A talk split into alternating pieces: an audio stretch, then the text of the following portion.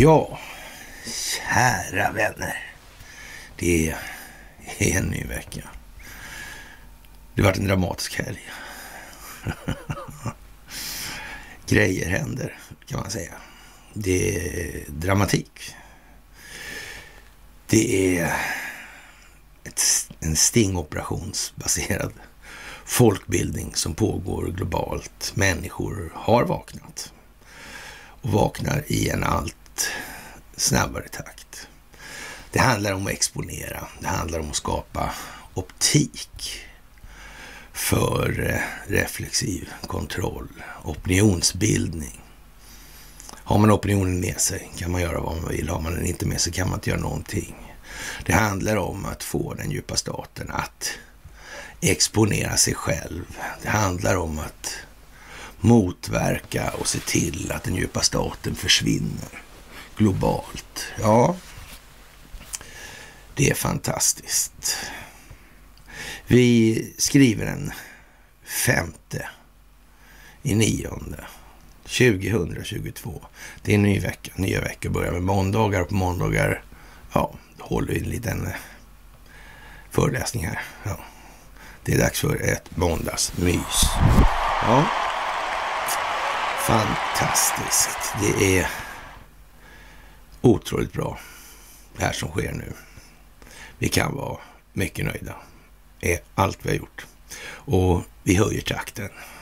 Vi ökar intensiteten i upplysningsarbete till ledning och vidare upplysning. Ja, och ledning för våra medmänniskor i samhället. Ni är fantastiska. Ni ska ha det största av tack för det ni gör och det vi gör tillsammans. Vi utgör den förändring som vi vill se i verkligheten. Sverige och dess roll genom historien. Ja, vi är vad det är. Och självbildsrevisionen, den står för dörren. Ni ska ha tack för gåvor på Swish och Patreon. Ni ska ha tack för att ni fördjupar er på karlnorberg.se och ni ska ha tack för att ni hakar på Telegramtjänsten. Och som vanligt viktigt att ni hakar på underpoddarna i det här och särskilt att ni rekommenderar dem för människor som inte är så insatta i de här rätt så, ja, vad ska vi kalla, kallar dem för, omfattande informationsmängderna, så kan vi väl uttrycka det i alla fall. Ja, fantastiskt. Det största av tack till er för det här. Vi står på nu. Nu är det målraka. Ja, regeringen gick ju in där och, och hade lite möte med Åsa-Nisse och Finansinspektionskungen där och mm, Micke Damberg också. Herr Micke, finansminister Damberg. Ja, ja. ja, vad handlar det här om egentligen? I grund och botten, ja, det handlar om det svenska rättssystemet. Mm. Hur var det där egentligen med han den här eh, nationella säkerhetsrådgivaren Robert O'Brien? Han tyckte det handlade lite om det. Han berättade förresten någonting om någon film också. Vad handlade om Wuhan den gången. Han trodde det skulle bli film. och blev det inte vad han Men han pratade om den här filmen Tjernobyl där. Ja. Samma gäng va, på något vis sa han som gjorde den här filmen. Ja, vilka kan det vara liksom? Mm. mm. Och det här med, med, regeringens insatser nu, vad är det för någonting egentligen?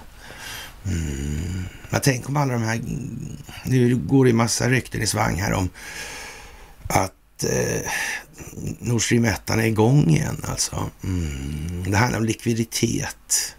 Det handlar om man ägnar sig, ägnar sig åt spekulation på den här börsen och Nasdaq där va. Mm, vi kommer tillbaka till det också. Mm, men det är väl dollarvaluta inblandad i det där? Är det inte någon tillsyn över sådär? Om man håller på med att handla med dollar på världsmarknaden. Och Nasdaq finns var då någonstans? Ja. Ja, just det, det är Skandinavien och Baltikum där i princip och så USA också. Ja. Så är det ju. Mm, men det blir dollarvaluta där. Det blir dollarvaluta. Då är det Security Exchange Committee där. Eller? Commission. De ja. Mm, hur är det med amerikanska justitiedepartementet? Är det korrumperat? FBI korrumperat kanske? Uh, när börjar den Insurrection Act egentligen? När trädde den i kraft då? då? Så att säga, när, när exekverade man så att säga i anspråktagandet av den verkliga makten i USA? När upptäckte man det här egentligen? Mm, ja, från militärens sida så måste det väl ovåld... Det skulle ju vara jävligt förargligt alltså för militären om, om det visar sig ha förekommit valfusk och så har liksom militären inte varit med på båten som har till uppgift att ja, skydda den amerikanska befolkningen och konstitutionen. Det verkar väl... Ja, uff, det verkar inte roligt alltså. Det, det, det är nästan högmålsbrott på sånt va. Mm det här, det här med grov oskicklighet i tjänst, det, det, är ett passerat stadium då skulle man nästan kunna säga. Ja, det så kan man nog säga. Ja, och det här med svenska rättsväsendet alltså. Mm, jag har ju sagt det, det här med, ska man lamslå e- ett eh, rättsväsende, då tar man ju naturligtvis lägger rabarber på åklageriet alltså. Ja, det är väl därför han George Soros pröjsar så mycket åklagare. Tror jag, eller han och han, men ja. Ja, ja. Mm. Ja, ja, ja. Sveriges mest Clinton Soros-lojala land. Ja, just det. Som, mm, Kvantumfonder hade han visst på. Ja, just det. Mm. Han Robert O'Brien var väl här i Sverige en sväng där, ja, just det. Han var intresserad av hiphop. Eller? Det, det sa han ju fast att det var. Nej. Han, han var intresserad av det svenska rättssystemet. Det handlar ju om det, ja. Mm, mm, mm, mm. Det är konstigt det här. Det verkar hänga ihop. Mm, mm. Konstigt, konstigt, konstigt. Mm, man kanske inte eh, känner till alla de här sakerna. Mm. Mm. Och, och, den där Q-historien, när började den egentligen? Mm, mm. Ja, det var ju rätt länge sedan. Alltså. Donald Trump var president då, var han inte det? Mm. Donald Trump han hade i alla fall tillgång till all information då när han var president. Det tror jag inte så många är jättetveksamma om. Nej, nej.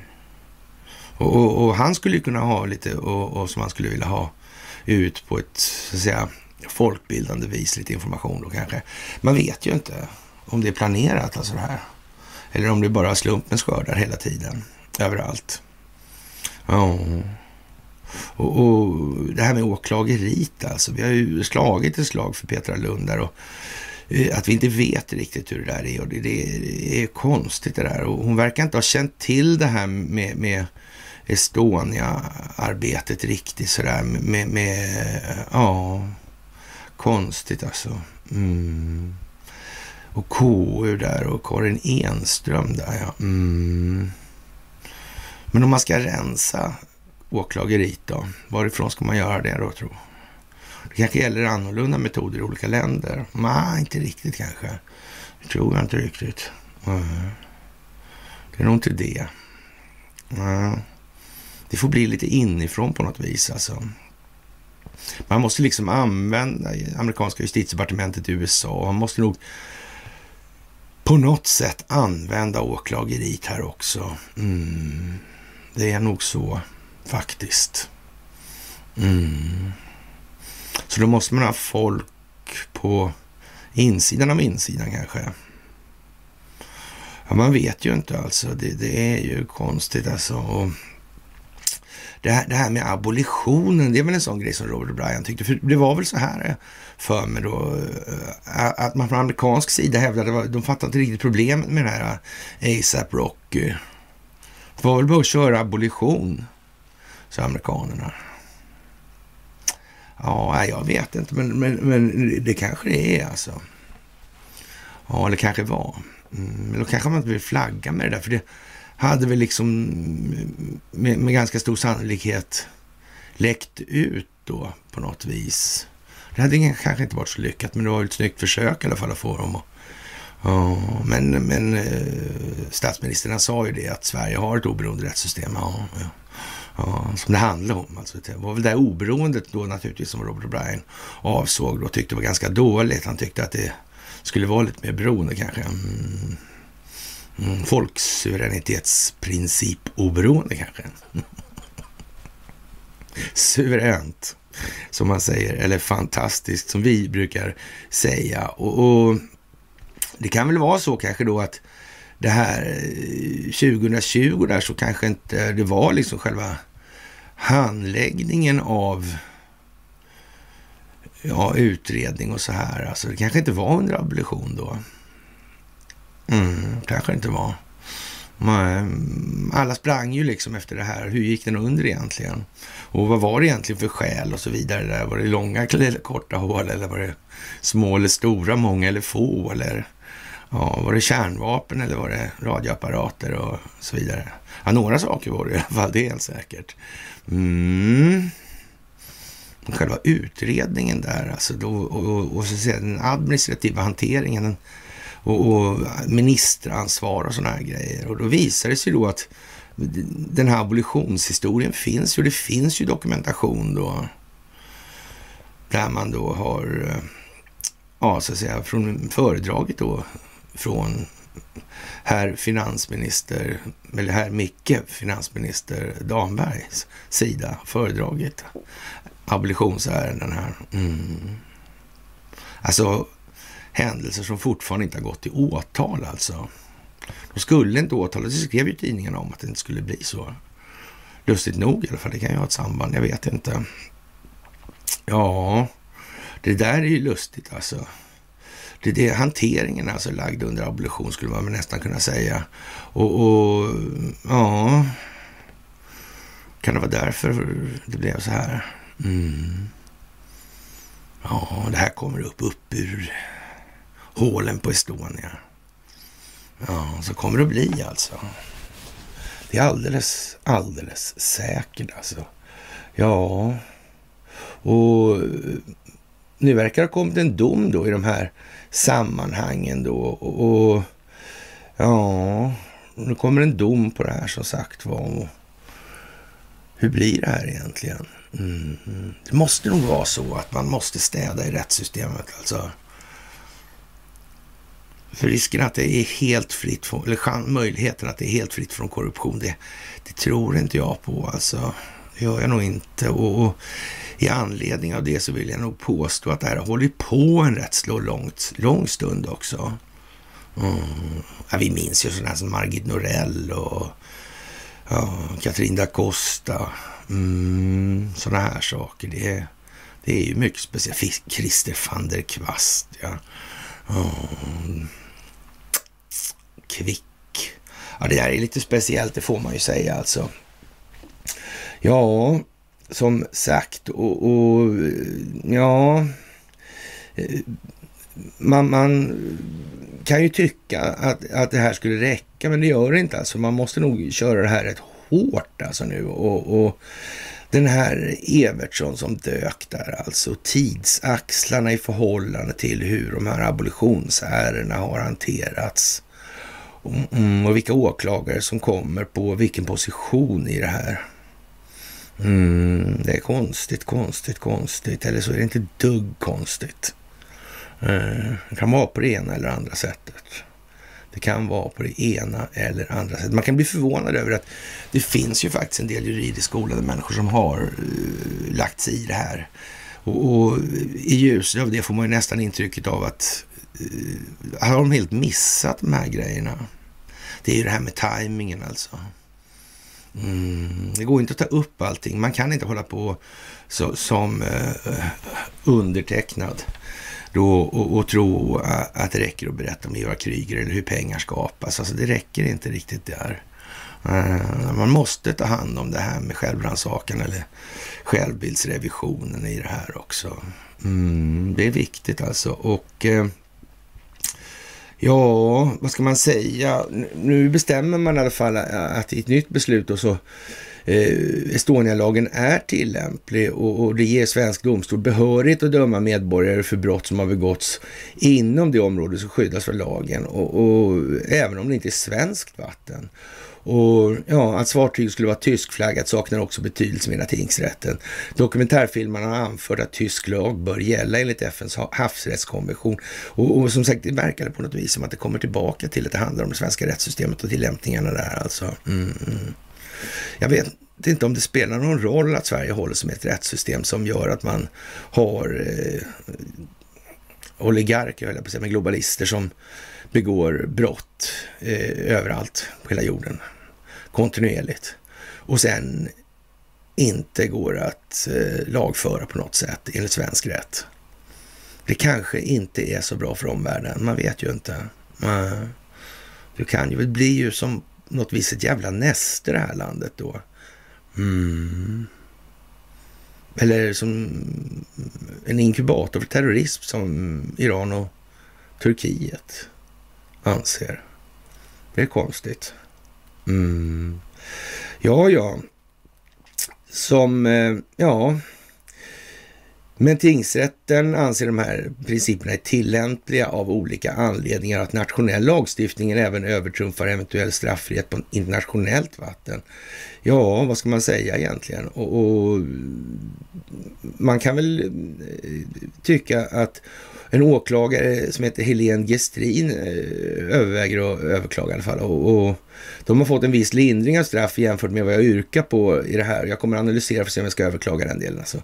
Och ja, Gestrin håller fast vid att det inte spelar någon roll att det var ett journalistiskt arbete som bedrevs. Alltså, det är förbjudet att bedriva dykningar i det här området oavsett varför man gör det. Det, det journalistiska intresset tar inte bort förbudet och det är därför eh, jag har väckt åtal. och, och Ja, det är väl inte... Mm, vad tycker man internationellt om det svenska rättssystemet i och med det här tror ni? Mm, blir det bättre? Nej, det tror inte jag det blir. Och, och, som sagt det här med SEC och handel i dollar och hur var det med Nancy Pelosi i den delen? Höll inte hon på med några konstiga insideraffärer där? Ja, och sen, sen fulsålde Ericsson också. Det är ju moderbolaget som äger det här clearingbolaget alltså. Mm. Och, och så vitt det är känt så är ägandet i Nasdaq, är, ja, det är vad det är då. Vad sa man? Fulsäljer? Just det, ja. Det, var ju, det blir ju ingenting bättre av det. Nej.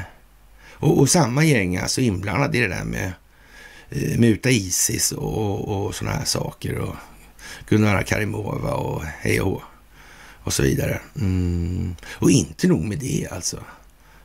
Nu när det kommer fram att den kinesiska staten har manipulerat mjukvaran, alltså programvaran, i de här amerikanska röstningsmaskinerna. Vad konstigt. Mm. Det är ju märkligt. Mm. Jag menar, om de här Dominion-maskinerna som Carl Bildt förresten var och sålde i på Balkan där, ja. När det stökade till sig i Albanien, kommer ni ihåg när George, George Soros skrev till Hillary Clinton och föreslog, föreslog att hon skulle skicka Carl Bildt som förhandlare när det stökade till sig där. Mm. Ja, just det. Ja. Det var en amerikansk general med också. Mm. Men att ha bolag ihop med kinesiska staten, då, det är ju jättekonstigt det här. Alltså, för är det inte så att det finns en exekutivorder för, från i maj 2018 som skrevs av Donald Trump? Jo, det tror jag det finns. Mm. Det står inte någonting om samröre och sådana Förresten, inte det där att Panda Electronics, är inte det ett sådant sanktionsbolag? Men han kanske missade den detaljen. Han som hade tillgång till all information. Mm. Kanske det. Eller kanske inte det. Det lär ju visa sig om vi säger som så. För det är ju antingen så att det har bara gissats hela tiden. Eller också är det här strategiskt planerat och koordinerat mellan en massa parter för att motverka den djupa staten. Där Sverige utgör en inte alls obetydlig del av kärnan. Det kan vara det ena eller andra. Och det kan ju vara bra att börja syna källan till kärnteknologin och det här med eh, ja, eh, internet då till exempel. Det kan ju vara en bra grej och det verkar väl precis som att plattformarna, de här gängse som vi håller till på, eh, egentligen är i grund och botten rena verktyg för kontroll skapade av underrättelsetjänstkollektivet. Det verkar ju precis som det. Mm. Det verkar, ja, för en upplyst och medveten befolkning sådär. Men ändå mycket, mycket bättre än vad det har varit tidigare. Och det här visste man nog om faktiskt. Mm. Ja, det fanns nog med i kalkylen hur så här skulle gå till. Det där förvärvsbolaget som Donald Trump har. Ja. Mm. Det är ju inga bolag, Facebook och, och, och Youtube och sådana grejer. Det är rena ja, mekanism för underrättelsetjänstkollektivet för kontroll alltså. Och naturligtvis så vaskas en del stålar. Det tror någon det. Ja, ja, ja, ja, ja, ja. Ja, ja. Det är som det är helt enkelt och det är för jävla bra just nu. Det kommer att bli kanon helt enkelt och möjligen kommer det skymma lite till sådär men ja, vi ska dit vi ska och, och ja, det är bara att stå på nu helt enkelt. Ja, och eh, ja, riv hindren för kärnkraften då, tycker herr Wallenberg. Och, och ja, det kan man väl kanske säga hålla med om i det här läget. Och eh, som sagt, det är ju med prisbildningsmekanismerna i det här. Det är ju lite konstigt det där med den här 70 delen alltså. Uh, att den sämsta producenten i Europa ska sköta eller styra prisbildningen i Sverige, är inte det fantastiskt? Uh. Det är ju konstigt. Och, men, men eh, svenska befolkningen ska lida för de här energiproducenternas verksamhet. Det ska de göra. Mm. Mm. Kanske folk börjar att förstå det nu. Att det här är hål i huvudet. Rakt igenom 100 procent och ingenting annat. Och eh, det här med att man beter sig på det ena eller andra sättet från riksdag och regering. Mm. Och det verkar samfällt på något vis med herr Wallenbergs göranden och låtanden. Mm. Är det stacklat? Kan det vara det? Eh, kan det vara på något annat vis? Ah, Agenda 2030. Ah, Donald Trump, han är en av den djupa statens koryféer. Så pass alltså. Så pass. Mm. ja, och det kan man eh, konstatera genom att eh, göra lite eh, ja, numerologiska abrovinker. ja, ja, ja, ja, ja, ja, ja. Men att leda resonemang på logiska grunder till saklig, eller log, i logiska kedjor till saklig grund, det är inte aktuellt. Nej, nej. nej. Man, man skulle kunna säga att det där känns lite eh, själsligt fattigt kanske, eller nej? Jo, det gör det. Det känns helt väck. Så tipset är väl när det där dyker upp, att man, man liksom fortsätter med upplysning och så får det där hållas helt enkelt. Det, anledningen till att man beter sig på det viset då, det är naturligtvis resandens ensak, men det börjar bli svårt att, att, tolka till någonting annat än att det finns ett uppsåt alltså bakom det där någonstans. Mm. Och det är förmodligen inte det allmännas bästa. Och sådana här saker är faktiskt väldigt, väldigt lätt nu för alla att se. Alltså, det handlar om självbilden. Alltså finns det en tråd av altruism alltså. Det ska verka för allas bästa. Samhället i stort. Eller inte. Det är där det ligger alltså. Det är där det ligger. Och sen så handlar det naturligtvis som vi har tjatat om då, att det handlar om att individen måste utvecklas och individen måste hela sitt lidande. Och i det svenska fallet så handlar det ju till utsläppande delar om självbilden alltså. Det är någonting med den svenska självbilden som är kraftigt förvrängd. Och, och, det tror jag ni håller med om i det här läget. Det är inte så mycket att diskutera om. Det är liksom ett konstaterat faktum i det här laget. Mm. Och det här går ju ända bak till den tiden så att säga när ja, man var det lilla barnet helt enkelt. Och, och, så att säga, man såg till sina föräldrar, deras relation, hur deras känsloyttringar såg ut i förhållande till varandra, i förhållande till en själv i det här. Var det en kärleksfull relation? Var det... Ja, vad var det för någonting alltså? Var det rent? Var det konstigt? Var det svek? Var det bråk? Och jag tror nästan alla idag fattar liksom att det, den, den bästa individen, det blir ju inte den som har fått mest stryk som barn. Det tror jag nästan alla klarar av att räkna ut. Alltså det hårdare straff. Ändå kanske inte. Alternativet är ju i så fall att låsa i och slänga nyckeln och avliva då, då. Men jag vet inte om det är vägen framåt det. Det blir liksom lite respektlöst för mänskligt liv och värde. Och, och, det är en sån väg ungefär som leder till samma ställe som det här med fosterhandel och sådana saker. Man får tänka till lite här alltså. Och, och det här gäller ju då alldeles särskilt den svenska befolkningen vars så att säga själsliga bildningsnivå har alla förutsättningar att bli den främst utvecklade. Mm. Det är ju bara så. Alltså, jag kommer ihåg när jag åkte på skolresa en gång. Alltså, så, jag gick väl i sjuan tror jag. Mm. Man skulle skriva något prov när man kom dit. Så, och, och så skulle man få skriva ett prov när det var slut också. Så skulle man vinna ett pris. det var inte så svårt att få bästa utvecklingsresultatet om man säger som så. Ja, ja ni förstår. Det är ungefär så. Sverige har en fantastisk utvecklingspotential i alla fall. Sen säger jag inte att den är så att säga alldeles uppsåtligt skapad. Och eh, ja, skrota hindren, säger Jakob Wallenberg. Ja, det är ingen dum idé alltså. Och han har fått en väldigt trevlig och passande uppgift. Det är alldeles uppenbart alltså. Eh, så glad tror han inte det går så bra för dem på eh, någon som helst front, verkar det som. Jaha, och eh, mm, som sagt, eh, det är eh,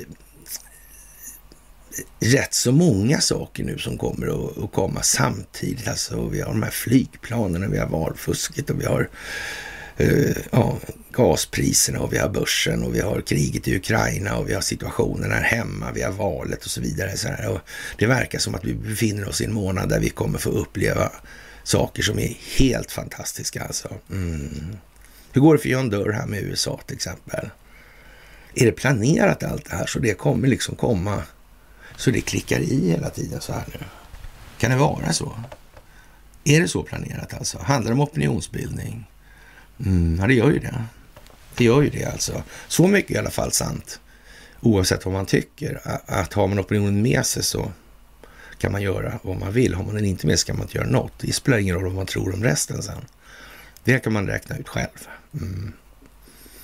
Sen får Donald Trump vara 2030 eller ja, tempelriddare eller ja, frimicklare eller whatever. Liksom. Mm, rymdödla kanske också. När man ändå håller på då. då. Ja, och det här med amerikanska eh, reguljära enheters verksamhet här i, i och kring landet. I fredags som sagt så flög det B52 över huvudstaden där. Mm, över Lovön och FRA. Ja, över Rosenbad. Mm. Magdalena avbröt. Ja. Det där är ju lite konstigt. Det, vem, det har aldrig hänt i svensk historia tror jag i alla fall. Mm. Man liksom avbryter väl inte själva ja, marknadsföringen för, på, i valet liksom på det viset. Å andra sidan kan man ju säga så här också, när man krånglar till det här då, så, så man snackar om handel med finansiella instrument på energimarknaderna så är det klart att det inte är så många som tycker liksom att det där är nog bättre att Sverigedemokraterna tar hand om. Det, det kan man ju faktiskt köpa som valstrategiskt argument. Det är väl ingenting att diskutera om. Liksom. Det duger ju inte bara att skrika ut med invandrarna liksom, i det läget. Alltså.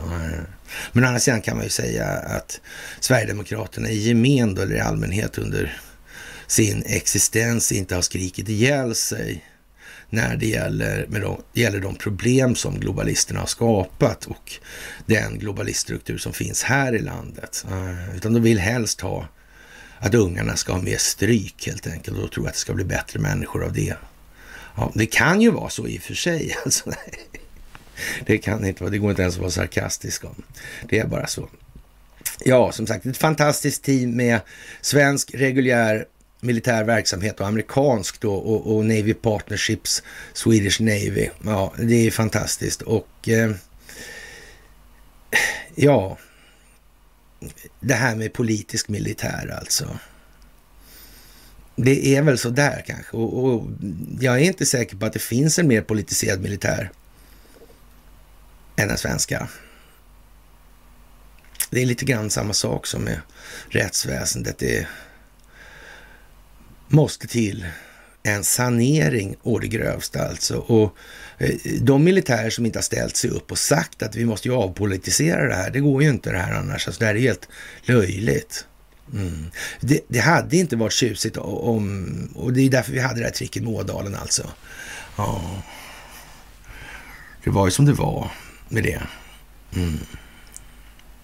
Och det har varit speciellt alltså. Och Karl Gerhard har... Nej. Ja. Per Albins Demagogi Groggi Vals, ja. Den kan ni lyssna på på Youtube. Den säger en del alltså. Mm. Ja, ja. Fläsk, margarin och folkkonjak, ja.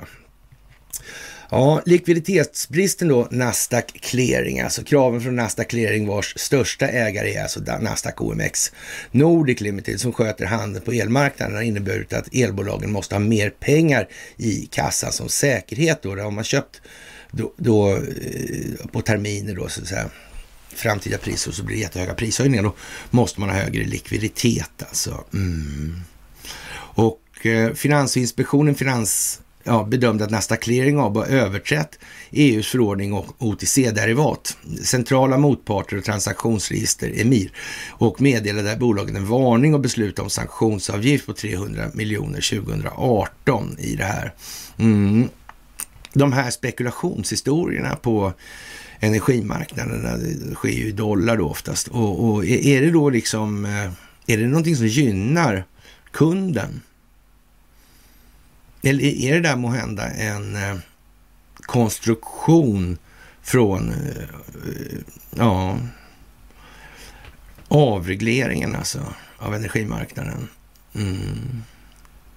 Var det kanske därför man gjorde en avreglering? För att kunna gömma en massa eh, fiktiva finansiella värden någonstans. Alltså blåsa upp den här bubblan lite till. Kan det, kan det vara ett av syftena bakom att man gjort det här överhuvudtaget? Skulle det kunna vara så? För att hålla likviditetsflödena igång? Ja, man vet ju inte. Är det en liten marknad det där? Jag är inte säker på att den är så liten. Jag är inte pytteliten i alla fall. Nej, den är ju inte det. Och eh, ja, Energibolagen betyder regeringsbesked om likviditetsgarantier på 250 miljarder kronor lite arbetsro, då säger Elin Bergsten, ekonomichef på Skellefteå Kraft. Det är, det, det är de där som lovar då det här låga priset och sen kommer på att nej, det vill vi inte göra liksom, så då skiter vi i det. Mm. För säkerhets skull alltså. Och, och, ja, det är mycket välkommet alltså. Mm. Ja, det kan komma krav på att vi inom 19 minuter måste ställa in 200 miljoner kronor i säkerhet och dagen därpå kan vi istället få ut 700 miljoner för att nästa då återigen behöva sätta in 500 miljoner. Och det, det, är väldiga pengar på kort tid. Vi klarar det, men det finns säkert mindre aktörer som får det svårt, säger hon. Ja, det, det är klart att... Och, mm, ja, men, men, frågan är om det här ska hållas på med den typen av spekulation och vad ska så att säga motivet vara till den här energiproduktionen egentligen? Är det meningen att man ska hålla på med den typen av spekulation emellan, alltså så här, prisbildande spekulation och, och prisbildande i, i, sin egentliga mening då eh, är ju inte någonting som gagnar befolkningen i gemen. Det får man ju faktiskt börja fatta här nu. Ja, och eh, de höga priserna i Europa och kundernas utsatthet i det här sammanhanget då ett annat problem. Det finns absolut mer att göra, men eh, utan den här garantin hade energibolagen riskerat att stängas av från elmarknaden, vilket också hade inneburit konsekvenser för kunderna. Och, och, och vad ska man säga? Produktionsbolagen är ju där de är och, och slutkunderna är där de är. Och mitt emellan här sitter det en mycket märklig verksamhet alltså. Vad är det ens för någonting? Ens? Ja, det kan man fan fråga sig vid det här laget alltså. Det är ju helt fantastiskt alltså. Och eh, när man har riggat det här då, så, så löste ju det här sig. Och det, det, var inte särskilt komplicerat. Likviditet är ju liksom inget stort problem för en stat i den meningen alltså. Så länge det går att sälja obligationer alltså. Ja. Så. Mm. Fast å andra sidan, så, så länge det finns banker som står upp så, så går det att sälja de obligationerna och skapa pengar. Så är det också. Mm. Det är en fantastisk situation det här. Ja, och det här måste alltså folk börja förstå lite mer av. För just nu verkar de inte förstå någonting alls alltså. Och ja, på grund av rusande energipriser måste bolag som gör affärer på Nasdaq Clearing, som fungerar som en mellanhand och i viss mån garant mellan köpare och säljare på marknaden, betala allt mer i säkerhetsgarantier för att få lov att handla. Ja, och att de skulle göra de här affärerna då av någonting annat än altruistiska syften. För hur mycket får de tjäna egentligen? Har de bestämt det verkligen? Det har de inte gjort, nej. Nej, det finns inga, liksom, inga limits på, på uh, att skära emellan. Nej. Ja, för om, man, om man tittar på, på hela taget kan man väl säga så här att hur stora produktionskostnaden eller produktionskostnadsförändringen varit under det här prisrallyt? Har den varit enorm? Det beror inte på det alltså. Nej. Det beror ju på någonting annat. Det är ju det där liksom producentledet, konsumentledet, det är det här mitt emellan liksom. Det är det som bara på något vis, jaha, ja, det verkar ju inte, mm. det är lite som bank nästan. Någon form av icke-produktiv kostnad som sitter däremellan och växer som en jävla cancersvulst. Mm. Det är lite Shylock över det där alltså. Ja, köpmannen i Venedig. Ja, just det, var ju en kuplett från Karl Gerhard som hette Nordens köpman från Venedig. Jaha. Det gjorde det också. Mm. Ja, det var det där när guldregn över stan fanns kanske? Va? Ja, jag vet inte. Ja, och, och mellan augusti 21 och 22 och augusti 22 alltså har elpriset stigit så kraftigt att säkerhetsmassan i clearingsystemet ökat från 25 till 180 miljarder enligt Finansinspektionens chef Erik Thedéen alltså. Mm, det verkar ju speciellt. Och Erik han är så in i helvete snett ute så man undrar ju alltså. Man undrar ju alltså. Mm. Han är nästan som underlivsporslinet, alltså vår egen. Det får man nästan anse. Ens. Ja, det är strålande tider som Tor Modén sa en gång alltså i tiden. Och det var, eh, var det pensionatparadiset ändå alltså? Och det kanske var det. Och SCB anser att det finns en allt tydligare splittring mellan företagares frams, eller framtidssyn alltså. Och, och, ja, det är klart. Det beror lite på hur pass vidsynt man är, alltså vilken vidd man har på perspektivet kommer naturligtvis att spela en rätt så stor roll i den meningen, så är det ju. Så måste det ju bli. Mm. Och, och, en enkel natur tycker naturligtvis att det är kort, rakt och enkelt. Alltså kanske inte ser riktigt vad den så att säga geopolitiska signifikansen eller konsekvensen kan bli av situationen inrikespolitiskt i USA. Det är ju så också. Mm. Det har ju faktiskt med saken att göra i det här sammanhanget. Ja, det här med procenten som sagt var och eh, ja, vi har ju tjatat på om det här e-, ett par år här nu så Ja, en intressant detalj i, i, i sammanhanget nu det är att man mystisk gåta, man hittar då Eh, tre väskor med stålar då i, på, i, på Arlanda och det här är konstigt alltså. Och, och ja, här, vad är det här för stålar egentligen? Har, här dyker upp något konstigt då i, i, om det är Expressen eller Aftonbladet, jag ska kolla, det är Expressen. Och eh, där står det så här då att, eh, eh ja, eller rättare sagt, vi kan säga så här att jag, hur, det här är tiden nu alltså som vi befinner oss. Och Eh, har man ju antingen då beslutat sig för att man ska motverka den djupa staten, man koordinerar verksamheten länder emellan, så har man ju inte gjort det alltså. Det är ju det ena eller andra. Det kan bara vara det eller det. Det är bara så alltså. Och för har man bestämt det så har man ju inte sagt så att man tar lite grann liksom och så hoppas vi och ser vad som händer.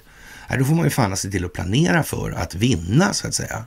Och då måste man ha så att säga ett vidare perspektiv och en djupare planeringshorisont. Det, det är nästan självklart. va?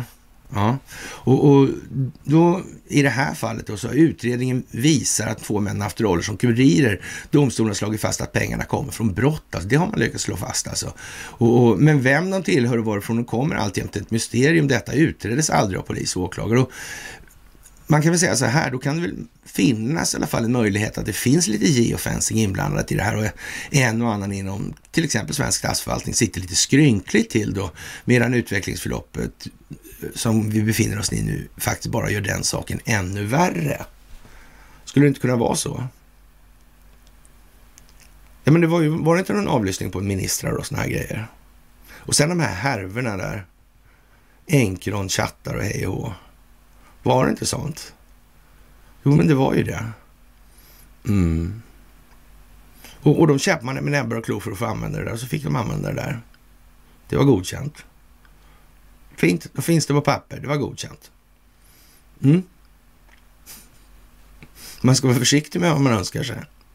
Mm. När det börjar dyka upp en 170 mil i cash liksom sådär. Då. Ja. Ja, ja, ja. Eftersom du ställer frågan ska du få ett ärligt svar. Ja, det var ju snällt. Ja, vi fick inte för polisen, säger Anette Fassel. Eh, det bestämmer väl du som förundersökningsledare? Ja, men jag styr inte, styr inte över resurserna. Var inom polisen tog det stopp? Ja, det var cheferna som sa nej. Jag försökte, men jag fick inte. Jag tar inte det ansvaret, säger Anette Fassel. Eh, ja, hon har aldrig varit med om det förut. I det offentliga utredningsmaterialet framgår att de smugglade pengarna var öronmärkta för olika alias. I telefonanalysen kan man, eh, det här är ju liksom, det här, i telefonanalysen. ja, men då kanske det var lite eh, geofensat då, då, eller? Eller var det någon annan analys man gjorde? Man tittar på färgen på telefonen, jag vet inte. Ja, men ja. I telefonanalysen kan man också se att de två dömda männen har haft gemensam kontakt med flera olika personer kopplat till smugglingsresorna. Jag vet inte om det på något vis är otydligt vad det här handlar om. Och det är bara frågan om vilka det är liksom. Och, och när man står och skriker på att när Encron-chatten är skitbra, ja då får man fan... Mm, mm, mm, det kommer längs vägen som man så vackert säger. Det är danssport i vägen på lördagsnatten. Ja. ja, Eh, åklagare Fassel menar att det fanns goda spår i förundersökningen och att både hon själv och personal inom polisen ville utreda vidare. Eh, det är klart att man vill veta var pengarna kom ifrån. Det hade säkert varit resurskrävande, men det är klart man hade kunnat fortsätta. Eh, har det hänt förut att polisen helt enkelt säger nej? Så här tydligt har jag aldrig varit med om det förut, säger Anette Fassel. Eh, Thomas Sköld, chef på Stockholmspolisen bedrägerisektion, bekräftar att hon, eh, Tove Sköld, att hon under utredningen hade ett möte med Anette Fassel Ja, det är riktigt. Vi hade en dialog kring det här, men, men åklagaren som fattar beslut om vilken väg vi ska gå. Eh, ja, men det är åklagaren som fattar beslut. Alltså, jag eh, resurssätter och jag har meddelat åklagaren vilken resurs jag har möjlighet att sätta i det enskilda ärendet, säger Tove Sköld. Sektionschefen Eh, därför togs det inte vidare. Ja, sektionschefen menar att det var flera omständigheter som eh, sammanföll för att utredningen inte kunde tas vidare. Båda myndigheterna eh, ja, gick in i en sommarorganisation. Ja. Samtidigt har bedrägerisektionen omkring 9000 andra ärenden som kräver utredningsresurser. Eh, jag tycker det här var ett bra ärende, nästan maxstraff på två individer och vi kunde ta pengar i beslag, säger Tobbe Sköld. Ja, Eh, och, det här är ju lite sådär äh, eljest alltså, får man nog säga. Och ja, Samtidigt eh, så är den motor som samlat in 170 miljoner i brottsvinster fortfarande på fri fot alltså. Ja, det stämmer. Vi har pratat om att vi har för avsikt att få in det på underrättelsespåret. Att sammanställa den information som eventuellt finns, bearbeta den och se om det finns tillräckligt på fötterna för att starta ett ärende, säger Tove Sköld. Och jag tror man ska vara lite sådär äh, eftertänksam och mm, någonstans så det står ju faktiskt i artikeln vad det här är för någonting. Och, och, när det står uttryckligen så här, då man ska kanske inte helt utesluta att det möjligen, alltså, jag säger möjligen i alla fall, förekommer i ytterligare sammanhang. Faktiskt. Det skulle kunna vara så. Det skulle kunna vara så faktiskt. Och, och ja, det är naturligtvis i, i, i sådana här tider, det är ju naturligtvis inget som piggar upp alla. Utan en del människor blir ju liksom lite modstulna och tycker tillvaron är lite trist helt enkelt. Alltså lite eh, nästan ledsamt. Och, och det är klart att när, när, hela självbilden och allt det här blir liksom eh, rätt så kraftigt ifrågasatta. Men själv, då, då, då kan man ju tappa eh, ja, gnistan helt enkelt. Och eh, en börsbolags toppchef hoppade ut och Be, ja, Bed Bath and Beyond då. Beyond, kan man, ja, man kan ju tolka det lite som man vill faktiskt. Men, men det här bolaget gick ju lite knackigt då, så där. Då, då blev han lite deprimerad. Och, och, ja, det är väl en inte orimlig så att säga, utveckling som vi kommer få se mycket mer av i vad som nu kommer här. För alla människor är alltså inte spantade att hantera sig själva känslomässigt på det sättet. Det är ju lättare att sätta tummen i spåret och ha något för händerna så man slipper tänka efter. Alltså umgås med sitt verkliga jag i grund och botten. Alltså att försöka komma tillbaka till den punkt där så att säga, den eh, yttre formateringen började ge inre avtryck. Och, och, förstå sig på varför, själv alltså, varför jag blev som jag blev helt enkelt i den meningen. Och, och det är klart, ju mer är man har på rustningen, rustningen och blodiga manschetter och allt det här. Va? Det, det, det är klart att Ja, det, det tar ju emot att säga den var inte så bra gjort liksom. Alltså, ja, eh, hade ju kunnat disponera tiden något annorlunda kanske. I, på hela taget kan man ju så här i efterhand eh, lite retrospektivt konstatera att det hade ju, är rätt få grejer man inte hade kunnat göra bättre alltså.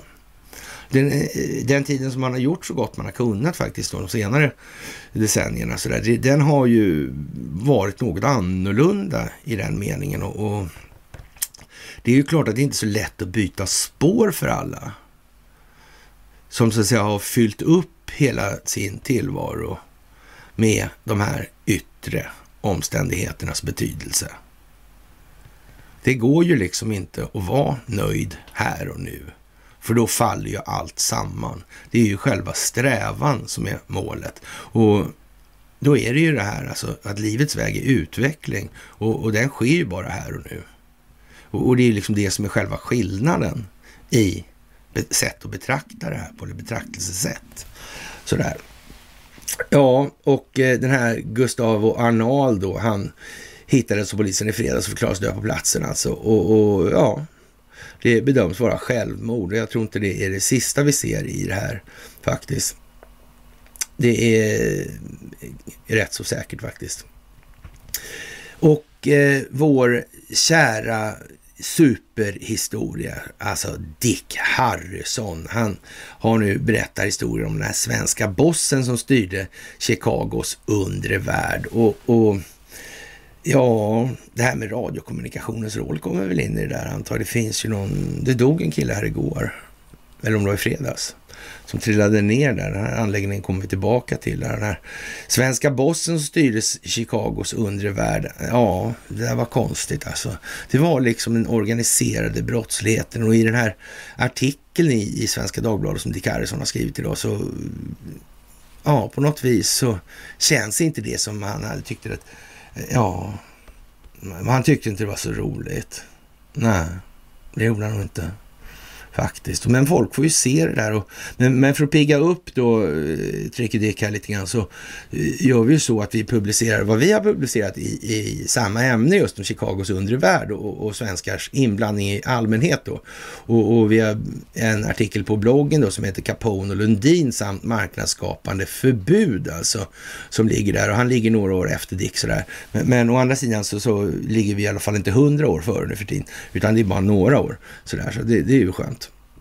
Det är ju lite trevligt helt enkelt. Och ja, som sagt, eh, jag tror inte det där var frivilligt från Dickards sida. Nej, det tror jag inte. Eller rätt sagt, jag skulle bli mycket förvånad om det var så. Ja, ja. Och eh, vi har ju pratat om det här med falukorv igen, alltså Sverige, långa landet falukorv. Ja. ja, vi var ju liksom före det där. Mr Cool med det där alltså. I Långelande falukorv, det var vi. Ja. Det var vi. Mm. De har tagit fasta på det här i, under valrörelsen då. Och, och eh, som sagt, vi var ju väldigt tidigt ute med det här Långelande folkkorv. Det var hundra år sedan, alltså början på 2000-talet. Och vi har ju aldrig använt det namnet eller den benämningen i någon särskilt smickrande mening. Alltså det, det är hopplöst alltså med, med det där jävla folkorven. Man orkar inte ens tänka på vad de stoppar i den. Va? Just av det skälet. Så. Ja, så livsmedelsindustrins syfte har ju ja, så att säga arbetskraft och med någon välmåga, det har man ta med fan aldrig haft som syfte. Inte eftersom man sitter ihop med läkemedelsindustrin, det finns ju inte en möjlighet. Det är ju vinstmaximering som gäller här alltså. Det får man ju vara vid det här laget rätt trög från att ha fattat helt enkelt. Och, eh, och det här, när Alex Schulman tvingas till att skriva sånt här i, i Dagens Nyheter, då måste man ju ändå säga att det är eh, nu är det speciellt alltså. Uh, riktigt speciellt. Och, och, så här skriver man idag alltså. När man trodde att valrörelsen inte kunde bli dummare, då tar Ebba Busch fram falukorven. Alltså riktig fä, fäbodstinta-variant här alltså. Uh, jag tar häpet del av bilderna från partiledardebatten. Så ekivok är de inte. Men ser jag rätt? Jo, Visst är det en falukorv. KDs ledare står och viftar med en sån. En sån där falukorvmodell större. En ring av kött runt Ebbas utsträckta hand. Ja, jag, jag får det först inte att gå ihop alls. Men, men, när jag tänker efter så är det självklart. Ebba ska alltid vara värst.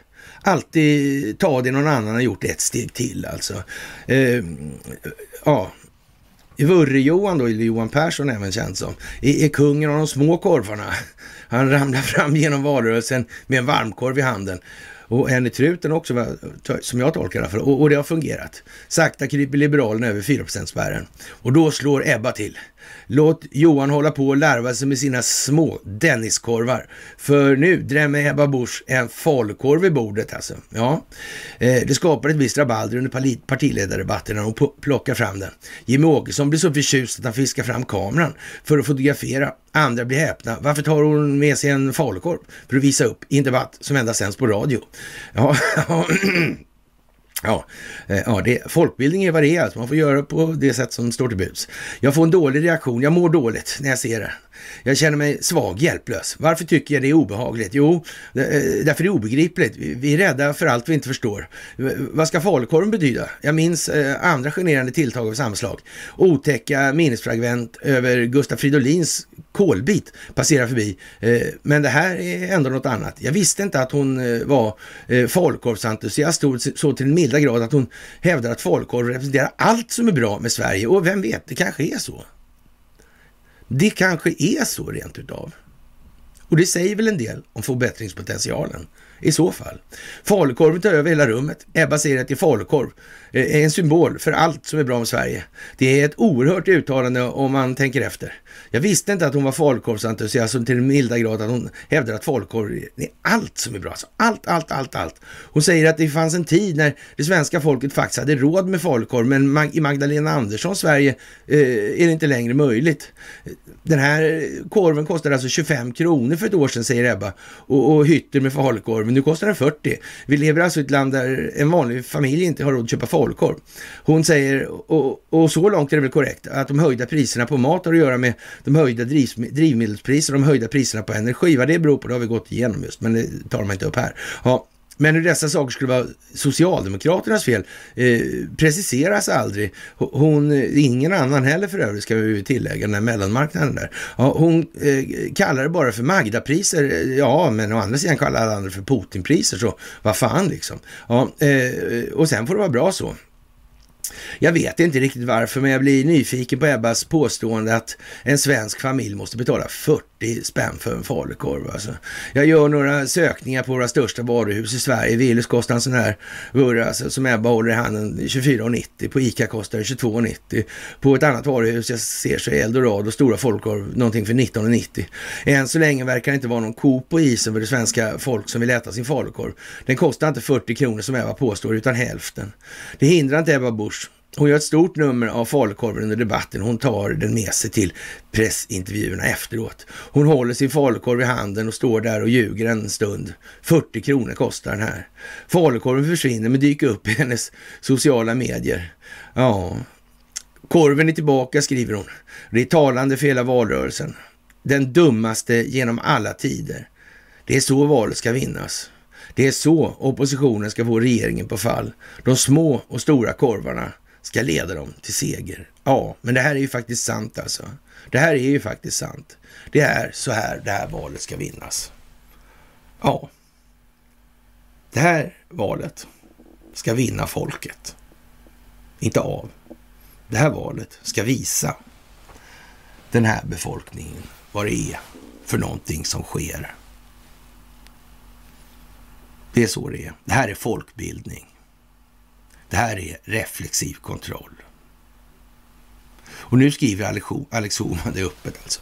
Det är det dummaste skit han någonsin har sett. Ja, och, och, och jag fick flera stycken sådana här skickade till mig. sådana. ja, jag, jag skickar inte den med falukorven alltså. Just det att jag har delat den för jag tycker det är så jävla dumt. Exakt. Exakt. Och det är det som är poängen. Nu ska folk fatta. Alltså det är inte så att Donald Trump inte hade koll på all information när han var president. Det var inte så. Han fick reda på vad han ville när som helst. Det är bara det. De kan inte säga nej på det viset. Däremot kan han inte få ut det alltid på något bra sätt.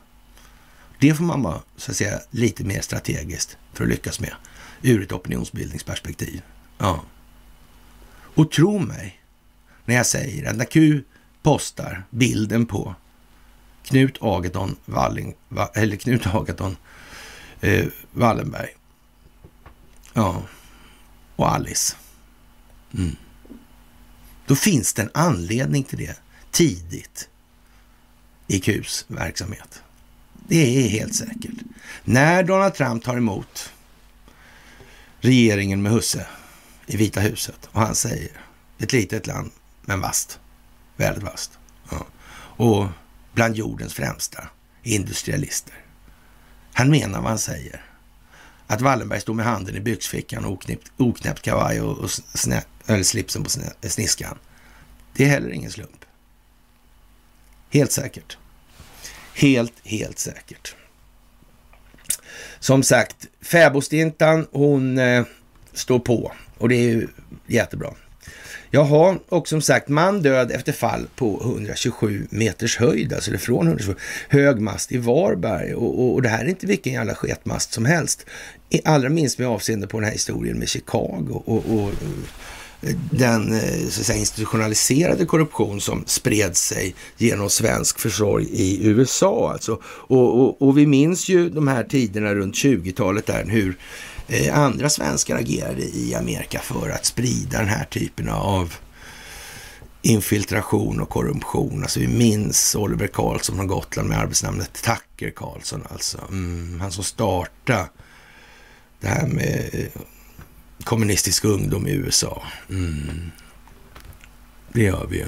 Det måste ju finnas motpoler hela tiden. Mm. Ja, ja, det är dags att tänka till här för eh, många. Alltså den här operation high jump ska vi nog tänka på. Inte bara det att den här gubben ramlade ner från en hög höjd. Va? Så det var, var inte någon sån lustighet, utan riksdagen beslutade 1921 att upprätta en trådlös telegraf, telegrafiförbindelse med USA. Grimeton, eller Grimeton kanske, mm, valdes som sändarplats. Radiostationen började byggas 22 och stod färdig 24. Eh, Ernst Alexandersson, svenskfödd chefingenjör för RCA, konstruerade sändaren och sändarens antenn medan stationsbyggnaden ritades av arkitekt Karl Åkerblad. I december 24 öppnades den första direkta radioförbindelsen mellan Sverige och USA och den 2 juli 25 invigdes stationen officiellt av Gustav V. Denna första sändare eh, med sin väldiga antenn fick identifieringssignalen SAQ. Förbindelsen var ett resultat av ett samarbete med Radio Corporation of America. Eh, Grimeton fungerade som en sändarstation medan eh, mottagarstationen låg i Kungsbacka. Själva telegraferandet skedde i Televerkets hus vid Kaserntorget i Göteborg.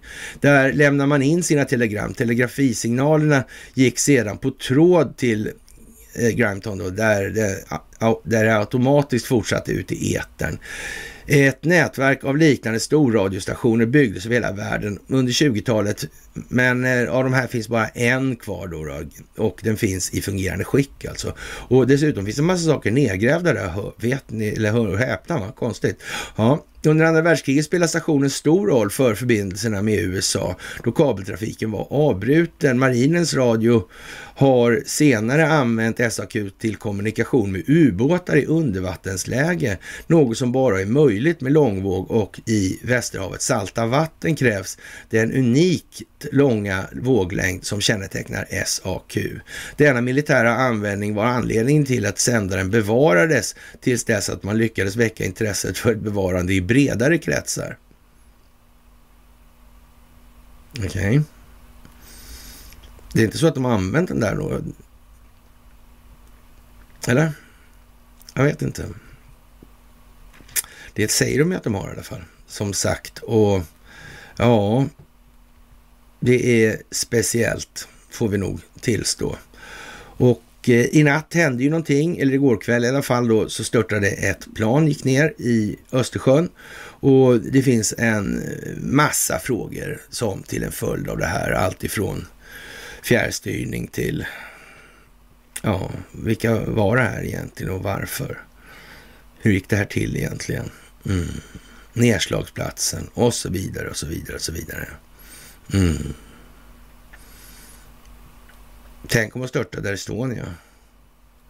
Jag tror hon skulle störta längre söderut i och för sig men ändå. Mm. Då kanske det är gravfrid. Vad vet jag liksom. Ja. ja, det vet man ju inte. Det säger ju numera tingsrätten alltså. Mm. Det är som gjort för att sänka grejer där sen alltså. det verkar rimligt. Ja, ja, ja. Varenda försäkringsbedrägeri kommer ligga där sen. Ja, ja. Jaha, och eh, Sverige håller igen med luften till hushållen och ja, risken för en djup lågkonjunktur finns kvar, säger ja, Micke, finansminister Damberg alltså. Och, även om, en, eh, om hotet från en, ja, eller för en akut finanskris kunde avvärjas. Då. Det, trots det vill regeringen vare sig utlova nya stödpaket till hushållen eller lättnader i amorteringskravet. Det här handlar som sagt om folkbildning. Det är vad det handlar om. Det handlar inte om något annat. Och, och det är liksom ingen diskussion. Det är inte så att systemet blir mindre skuldmättat i det här. Och, och det här med Agenda 2030, hur exakt, när de ska resetta det här, hur går det till då? då? Hur, hur går det till själva bokföringstekniskt? Hur går det till med de insolventa bankerna och så att säga räntekostnadstillväxten i systemet? Hur går det till då? När man resetar det här? Jag menar, man kan inte ta bort skulderna på ena sidan i bokföringen bara. De måste ta bort båda. Hur går det till i så fall?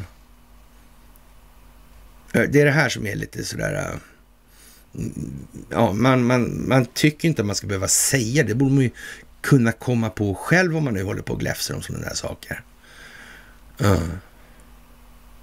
Men alltså problemet är de insolventa bankerna. Det är det som är själva prylen alltså. Det går ju inte. Förr eller senare kommer befolkningen inte att klara av att betala sina räntekostnader. Ja, vad händer då? då? Ja, men då tar de allting. Ja, men, och sen då? Vad gör de med det då? Mm. Då får folk på gatorna och det kan de inte hantera. Nej, det går inte. Det måste hållas på något sätt alltså. Mm. Men, men alltså det är så dumt så att det liknar ingenting. Och, och, därför är det här dömt att gå på det sätt det bara kan gå på. Och det blir ju inte bättre av att eh, Recep Tayyip Erdogan och Vladimir Putin har möte då här i helgen. Ja. I lördags. Men de kommunicerar inte med varandra. Det är inte samma Recep Tayyip Erdogan som säger att Sverige är en terroristinkubator. Det är inte han, alltså det är någon annan som heter likadant och ser likadant ut och också är president för Turkiet. Mm, så kan det ju vara. Faktiskt. Kanske, eller inte. Och amerikanska energibolag då tar kontroll över kundernas termostater och kontrollerar deras hemmatemperatur. Jävla fascister! Mm. Ja, ja, ja, ja, ja. Hur fan är det med våra egentligen, de här elmätarna? Ja, hur är det med dem egentligen? Det kan man ju fråga sig och varför vi har dem. Mm. Och, och, det är ju liksom så här att hur dumt det än ska behöva bli va, så kommer det bli så dumt som det krävs. Är det så att det krävs att alla som har vaxat sig får elen avstängd för att börja fundera på varför det är bara vaxade som har fått elen avstängd. Då är det så. Och så måste det vara då. Mm, det är det där problemet ligger. Men, men jag tror det har brutit igenom innan dess. Alltså, det får inte vara... Ja, även om förbättringspotentialen i svenska befolkningen är oerhört hög, alltså, så tror jag inte... Så hög är det nog inte. Ja, och som sagt, eh, eh fan vad sjukt skriver herr Eriksson här, men, men, men liksom, eh, ja. Ja, det kan man ju säga. Det är för jävla sjukt att det ska behövas sådana optiska exempel för att pedagogiken ska gå hem, alltså folk ska förstå den pedagogiska metoden som används. Det är ju det liksom. liksom du är på fel spår, tänk till nu för helvete. Jag menar, de fattar också att de, de har inget val den djupa staten alltså. De sitter där de sitter. De får inte bort skuldmättnaden. Det går inte. De, alltså, de hade behövt en megakris där man kunde förklara bankernas förluster i balansräkning. Du får inte hålla ihop systemet på det viset alltså. Nu är det ju systemet som sådant som är helt värdelöst. Och att man inte börjar snacka om amorteringsfrihet än, det är för att då blir det ju för fan helt uppenbart vad det här handlar om. Och klarar man inte av att räkna ut det då, då är det ju liksom med, med, med eviga skulder och evigt växande räntekostnad. Jag menar, då får man vara lite halvt sölig alltså i tanken. Om man inte kan räkna ut vad det innebär. Och, och, det måste vi hjälpa folk med att förklara. Alltså, det låter ju helt otroligt, men det är där vi befinner oss. Alltså, det är därför jag säger att utvecklingspotentialen är enormt stor alltså. Det är ju faktiskt så. Ja, som sagt, och eh, Ja, Zelensky han hyr ut sin fina kåk i, i Italien då och, och, ja, till ryssar då. Samma ryssar som man, eh, ja, säger då att de ryska turisterna får, får liksom, eh, ja, inte göra det ena eller andra. Mm. Ja, jag vet inte om det ska behöva bli jättetydligt sådär alltså. Det är också ganska tydligt skulle jag vilja påstå faktiskt nu i det här laget. Det vill jag nog påstå. Och eh, som sagt, är skedmatning den enda vägen att väcka svensken? Nej, det är ju inte det alltså, utan det gäller ju att ta tillräckligt små bitar av elefanten som tugger alltså. Det går inte. Det, som, det svenska folket har ju tappat tänderna, de är ju tandlösa på det viset alltså. Men nu måste de få igång lösgommen igen här alltså. Lite grann i alla fall. Så ta jättepytte på små delar alltså. Så, sådär. Mm, men inte misströsta, för det, det är liksom det som det är nu här. Och ja, det är en trist historia det här att konstatera faktiskt. Och ja, vi har eh, en rad olika händelser att se fram emot i det här. Och någonting som vi förde på tal då i samband med föreläsningen i Västerås för några år sedan, där, den sena, senaste där, så, så sa ju det här med vattnet liksom och dammarna och ABB och det, ABBs roll för kraftgenereringen i, ja, på jorden alltså. Och, och det här är ju en oerhört känslig grej alltså med de här dammarna, det här vattnet. Det går att ställa till en jävla massa elände med det alltså. Mm. Och, och, frågan är om det ska eh, på det viset, alltså en, är det rimligt att en sån eh, parameter ligger i händerna på enskilda vinstmaximeringsintressen? Är det inte så liksom att eh, ja, ska de välja mellan eh, sin vinst eller gå under då, då, då väljer de sin vinst alltså. Och det innebär i princip i runda slängar då att det kommer ju bli utpressning mot landet. Förr eller senare. Så är det ju. Så är det ju. Så länge landet inte är samma entitet som, som bolaget i fråga då. Mm. Och det förstår bolaget. Det förstår bolaget. Så bolaget kommer ju naturligtvis med viss naturlagsmässig nödvändighet att korrumpera landet i fråga. Det är också helt säkert. Ja, det är som sagt eh, mycket speciellt alltså. Och ja, man, man, man, får väl nästan säga så här med 900 000 dammar i världen och 38 000 stora dammar. Så, så ja, det är jättespeciellt alltså i det här. Det är en otrolig makt man har i det här. Alltså det är svenska familjen Wallenberg som ja, plundrat världen i generationer alltså. Och, och det kan man ju mm, tycka är lite märkligt faktiskt. Ja, det här med ABB är en fråga det också som naturligtvis kommer att komma upp nu. Det är ju så. Det går liksom inte att bortse ifrån. Man kommer inte runt Engström som man brukar säga i ja, andra sammanhang då. Mm. Jaha, och eh, det här med ja, Ryssland och på begäran av IAEA sekretariat säkerställde man då ankomsten av fler än 60 journalister från olika länder till den här Sappo, eller Zaporizjzja eh, ankomsten då. Och, och, ja, det, det rapporterar ryska försvarsministeriet. Och det noteras att journalisterna som anlände till Eh, Energodar på morgonen den 1 september visade sig vara direkta ögonvittnen till ukrainska sabotörers misslyckade försök att storma kärnkraftverket i fråga då, och gömda i ett bombskydd observera medierepresentanterna personligen den massiva beskjutningen av kärnkraftverkets territorium och bostadsområdena Energodar i, av ukrainskt artilleri. Och, och ja, tänka sig det blev som vi sa. Mm. Jaha, vad ska de säga nu liksom? Och så var det med det lilla helgonet.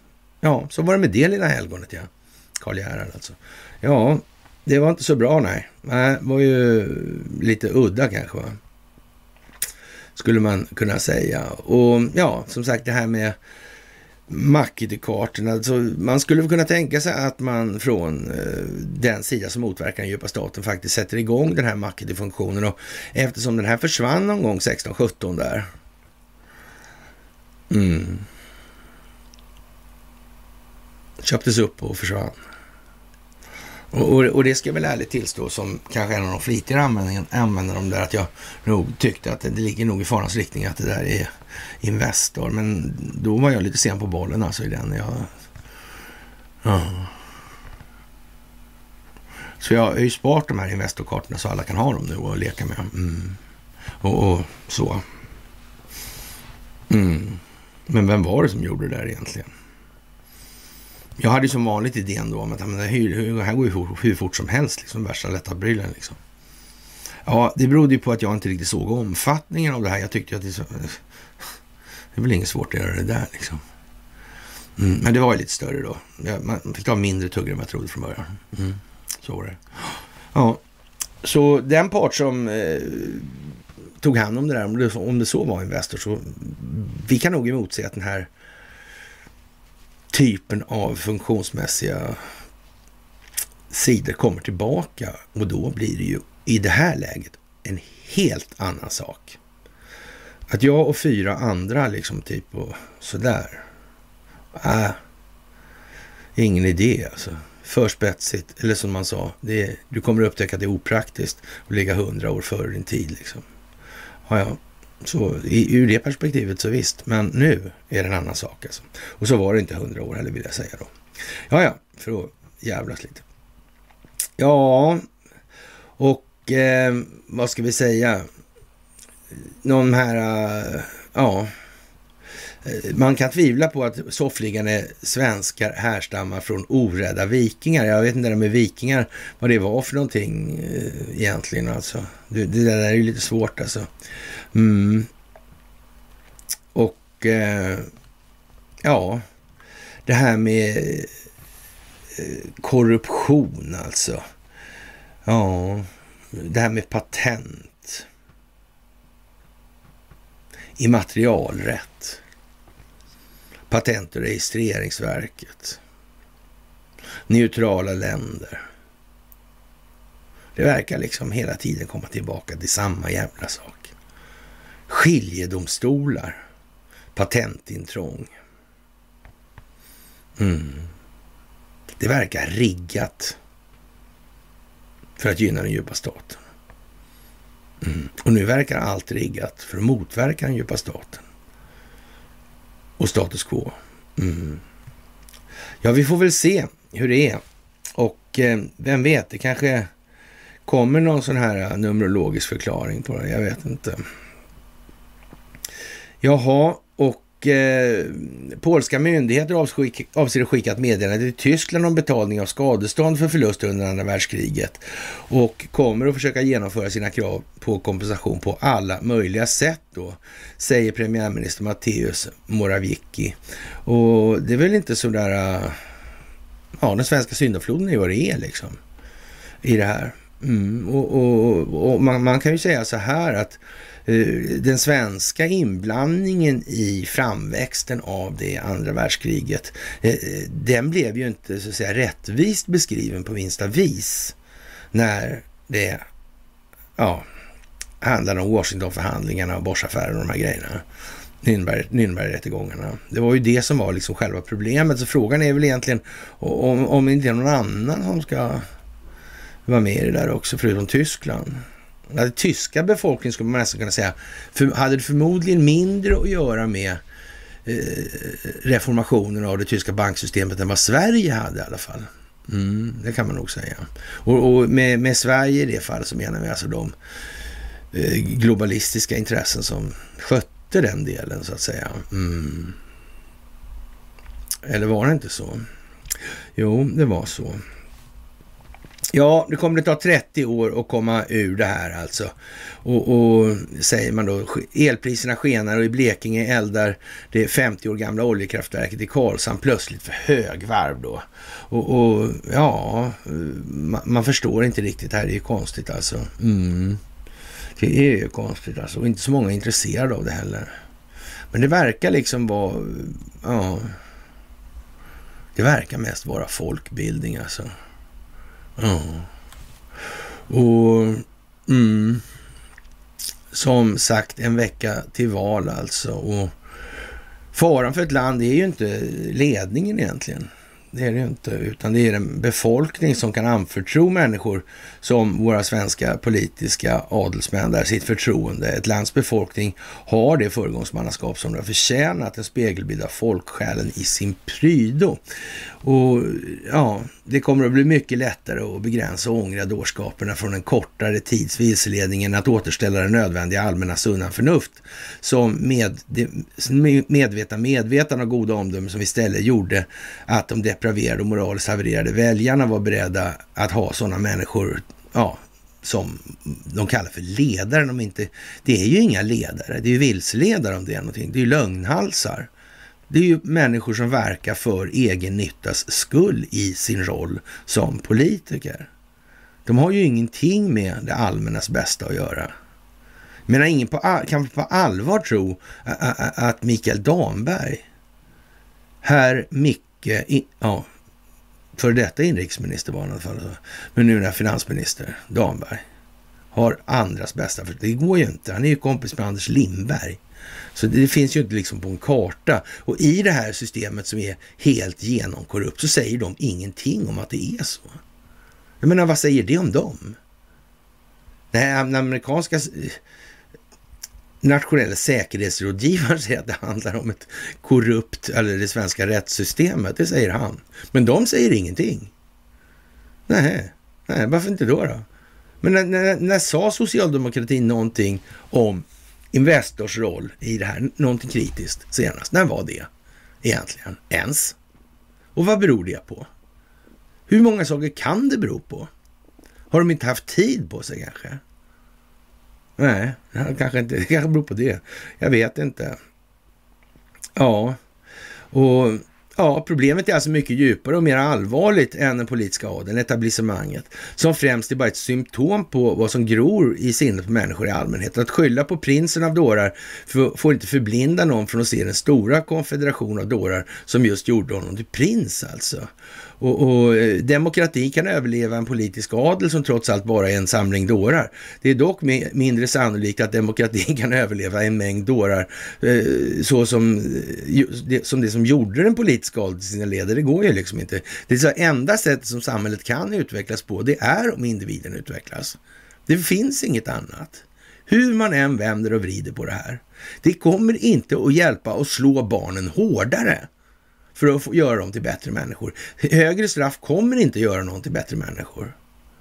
Det är bara så. Så man kan det vara hur jobbigt som helst. Man kan väl säga så här, alla människor som är emot det här med, med så behandlingar och, och så, eller ja, eftertankeskapande verksamheter helt enkelt. Ja, men de säger och de säger om sig själva, det är ju ingenting annat. De har en aversion mot att granska sig själva kritiskt, försöka utröna grunderna till sig själva och sina egna känslogrundande värderingar. Det är bara så. Det är inte svårt att se. Men man, det kan ju låta liksom elakt att jag sitter och raljerar med Mikael finansminister liksom. Finansmicke.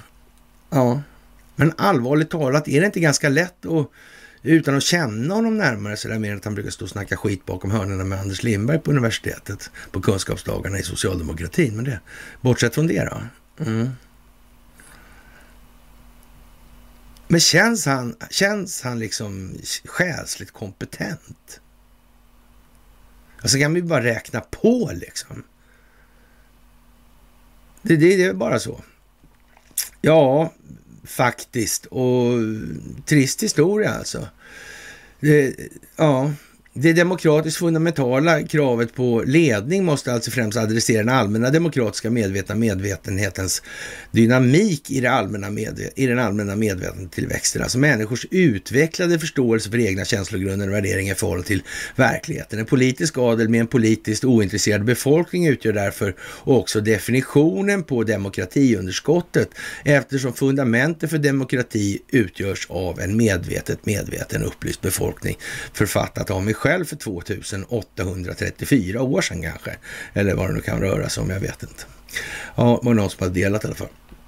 Och eh, ja, kaos på svensk hotell i Albanien borrar sönder poolen. Det är väl en lagom eh, djupsinnig eh, nyhet eller så kanske. Det är lite Aftonbladet så här. Och ja, faktiskt, det, det är lite, ja, lite speciellt är det. Albanien ja. Carl Bildt, ja. Mm. Ja, ja, ja, ja, ja. Som sagt, och Svensk Hotell, ja. Mm. Det där är ju lite... Mm. Vem vet varför man åker dit, ja, kanske. Ja. Som sagt, det är vad det är alltså. Och ja, vi får väl eh, se tiden an helt enkelt. Och ja, vi går ju mycket runt i det här nu och, och vi får väl nästan säga att eh, ja, om några veckor kommer vi stå här och prata, jag vet inte, bakom ryggen på oss själva tror jag. Alltså. Ja. Det är i alla fall speciellt alltså. Ja, det här är ju en speciell tid alltså. Allt finns dokumenterat. Det handlar om folkbildning. Det handlar om att människor ska förstå i det här. Och vi får väl hoppas att eh, det inte blir allt för jävla rörigt helt enkelt. Och det ser väl ut som att det ska kunna gå ganska geschwint alltså. Och det ser väl ut som att den amerikanska militären har gjort ett gediget arbete i botten och planeringen från Donald Trumps sida och de staber som finns runt det här har varit ja, rigorös, skulle man väl kunna använda som uttryck för att beskriva det då. Och eh, det här med att kalla eh, andra för epitet och såna grejer, det är ju liksom ingen framkomlig väg. Men å andra sidan kan man säga så här, de som ändå ska utgöra eh, ja, bad guys nu i den här optiken, alltså Micke Damberg och de här, de, ja, som sagt, det är vad det är. helt enkelt. Och när det gäller den politiska adeln i Sverige så är det som att prinsen av dårar och så vidare. Det, ja, det är vad det är. Eh, men en samlingsregering är väl inte helt osannolikt i alla fall. Då. Som sagt, stabilitetsrådet extrainkallas efter Anderssons garantibesked. Alltså det här är ju rena jävla lekstugan. Och eh, Erdogan hotar Grekland och, och han tänker göra det som behövs alltså för att eh, Ja, man ska inte glömma Izmir, säger Erdogan, en anspelning på staden som Turkiet erövrade 22 under grek-turkiska kriget. Alltså det här, Eh, de är ju NATO-länder båda två och det här är ju lite pinsamt kanske för NATO eller underlivsporslinet som kanske inte bryr sig om det just, men ändå. Mm, hur, hur är den här, om, om den ena hoppar på den andra, är det liksom någon solidaritet? Gäller den här eh, ja, att man kommer till undsättning, då gäller den då? Vem gäller den då i så fall då? Om de slår tillbaka då, är det båda man ska hjälpa då eller? Hur funkar det här egentligen? Har de tänkt på det? Ja, och som sagt, NATO krackelerar allt mer och Erdogan eldar på. Han är en fantastisk skådis, måste jag säga att jag tycker. Det är bara så. Ja, eh, många eh, tjattrar ju emot om allting alltså. Det, och, och, ja, som sagt, det är, är ondsinta rymdödlor och fan och hans mormor alltså. I Prag så kräver man regeringens avgång då och, och, och ja, billig rysk gas och neutralitet helt plötsligt. Och det är väl en eh, rätt så bra grej det här med att kanske minska ner lite grann på den här reguljära militära verksamheten. Själva uttrycker det där med att ett land har alltid en armé, sin egen eller någon annans. Ja, det får man ju säga att i ett klimat där så att säga, enskild vinstmaximering eh, är tänkt att verka ledande så blir det ju med viss oundviklighet på så vis alltså. Mm.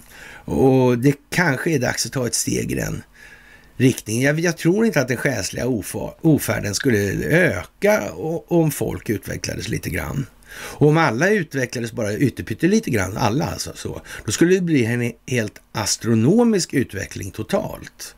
Så det är inte frågan om några storartade insatser alltså.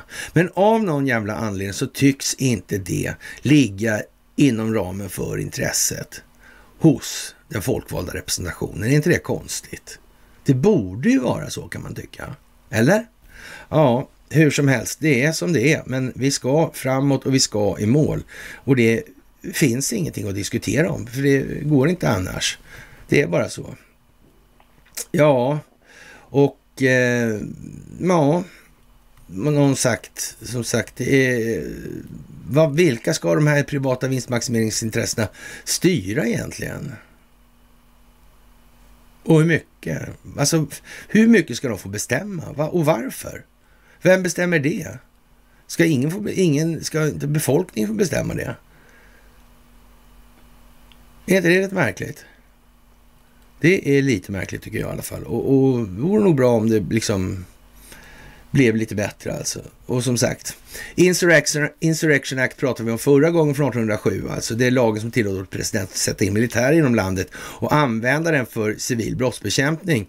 Och, och ja, i akut behov av reformer alltså. Och ett uppror i en organiserad vanligt våldsamt handling. Alltså det här är ju ett översteg, det här valfusket, alltså ett översteg mot den amerikanska konstitutionen. Då måste man göra så här. Det gjorde man alltså den 3 november 2020. Mm. Så var det. Och där klev den där i då. då. Och det kan vara bra att minnas det där nu och läsa in sig lite på den faktiskt. Det är, är, behöver inte vara helt fel om jag säger som så. Då. Och eh, ja, statsministern säger ju att vi står inför en ren krigsvinter. Mm. Det här tonläget alltså. Lugna befolkningen. Och så vidare. Men, eh, normalt sett så säger ledarskapet bygger på att man har en uppfattning om att man kan faktiskt hantera den här situationen. Man säger liksom att ja, men vi har ju en väg ur det här. Vägen ur det här går genom att folkbilda. Det går genom att eh, upplysa till ledning och vidare upplysning och ledning. Det är inte så mycket att diskutera om det är vägen framåt. Man förklarar varför hur vi ska göra och så vidare. Och så gör vi det. Så. Ja. Och så växer det här organiskt. Precis som vi håller på. Precis som ni gör. Precis som jag gör i det här. Och det är vägen framåt. Det går inte på något annat vis. Och tonen blir naturligtvis gällare eller bara blir allt mer gäll då hos de här människorna som tycker att, äh vad fan liksom, det där, ni är bara, ja, vad är det nu för Det varierar ju från dag till annan liksom. Sådär, men det är olika saker i alla fall, det är grymdödlor och betald opposition och hej och hå liksom. Hela det där tricket och, och själva pysslar de inte så mycket med upplysning. Och för, av det enkla skälet att de kan inte särskilt mycket om någonting. Nej.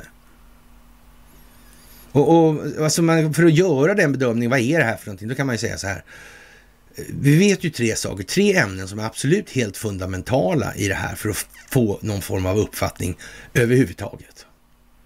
Ja, i grunden finns ju den här, eh, om vi säger så här att människan är ett girigt svin då sådär. Ja, i början, så stenåldern. Så, mm. Ja, då blir det här monetärmekaniska. Det blir ju ändå en sån grej. Så vi, vi kommer ju någonstans ifrån. Så, så där är en av delarna till jag som har gjort att vi har hamnat här då så att säga. Sen, ja, och, och sen får man ju då, nu har vi hamnat här och hur, under vilka former och egentligen vilka förespeglingar har vi hamnat i den här situationen? Ja, och då kommer ju så att säga den här geopolitiska analysen in i bilden. Ja, och, och, det är den andra delen. Så det tredje benet i det här. Och, eh, men hur, hur är det egentligen möjligt att vi, vi går på det här hela tiden? Alltså? Vad, vad är det för liksom, mental disposition som vi har när vi köper den här typen av jävla rappakalja som vem som helst kan räkna ut är bara kalanka liksom? Jag menar, du fattar väl vem som helst. Ett litet barn var lyckligt när den såg sina föräldrar var förälskade i varandra och älskade barnet. Det och barnet var fyra, fem år. Liksom. Det är ju så det är. Liksom. Aha, och sen, vad hände? Sen började det alltså. Sen började det. Mm. Då började cirkusen. Mm. Och vad ledde den här cirkusen till? Den ledde, ledde oss hit. Så. Mm. Det här är inte så svårt alltså. Och så gäller det bara att plocka ner det här. Och, och då kan man säga så att de här tre delarna, då, alltså den ja, emotionella självförståelsen då tillsammans med geopolitiken och monetärmekaniken, det är ju liksom vad, vad det här handlar om. Och om man då tittar sig omkring nu i det här, jag menar hur många är det som berör de här ämnena och varför är det så? Är det för att det inte är så?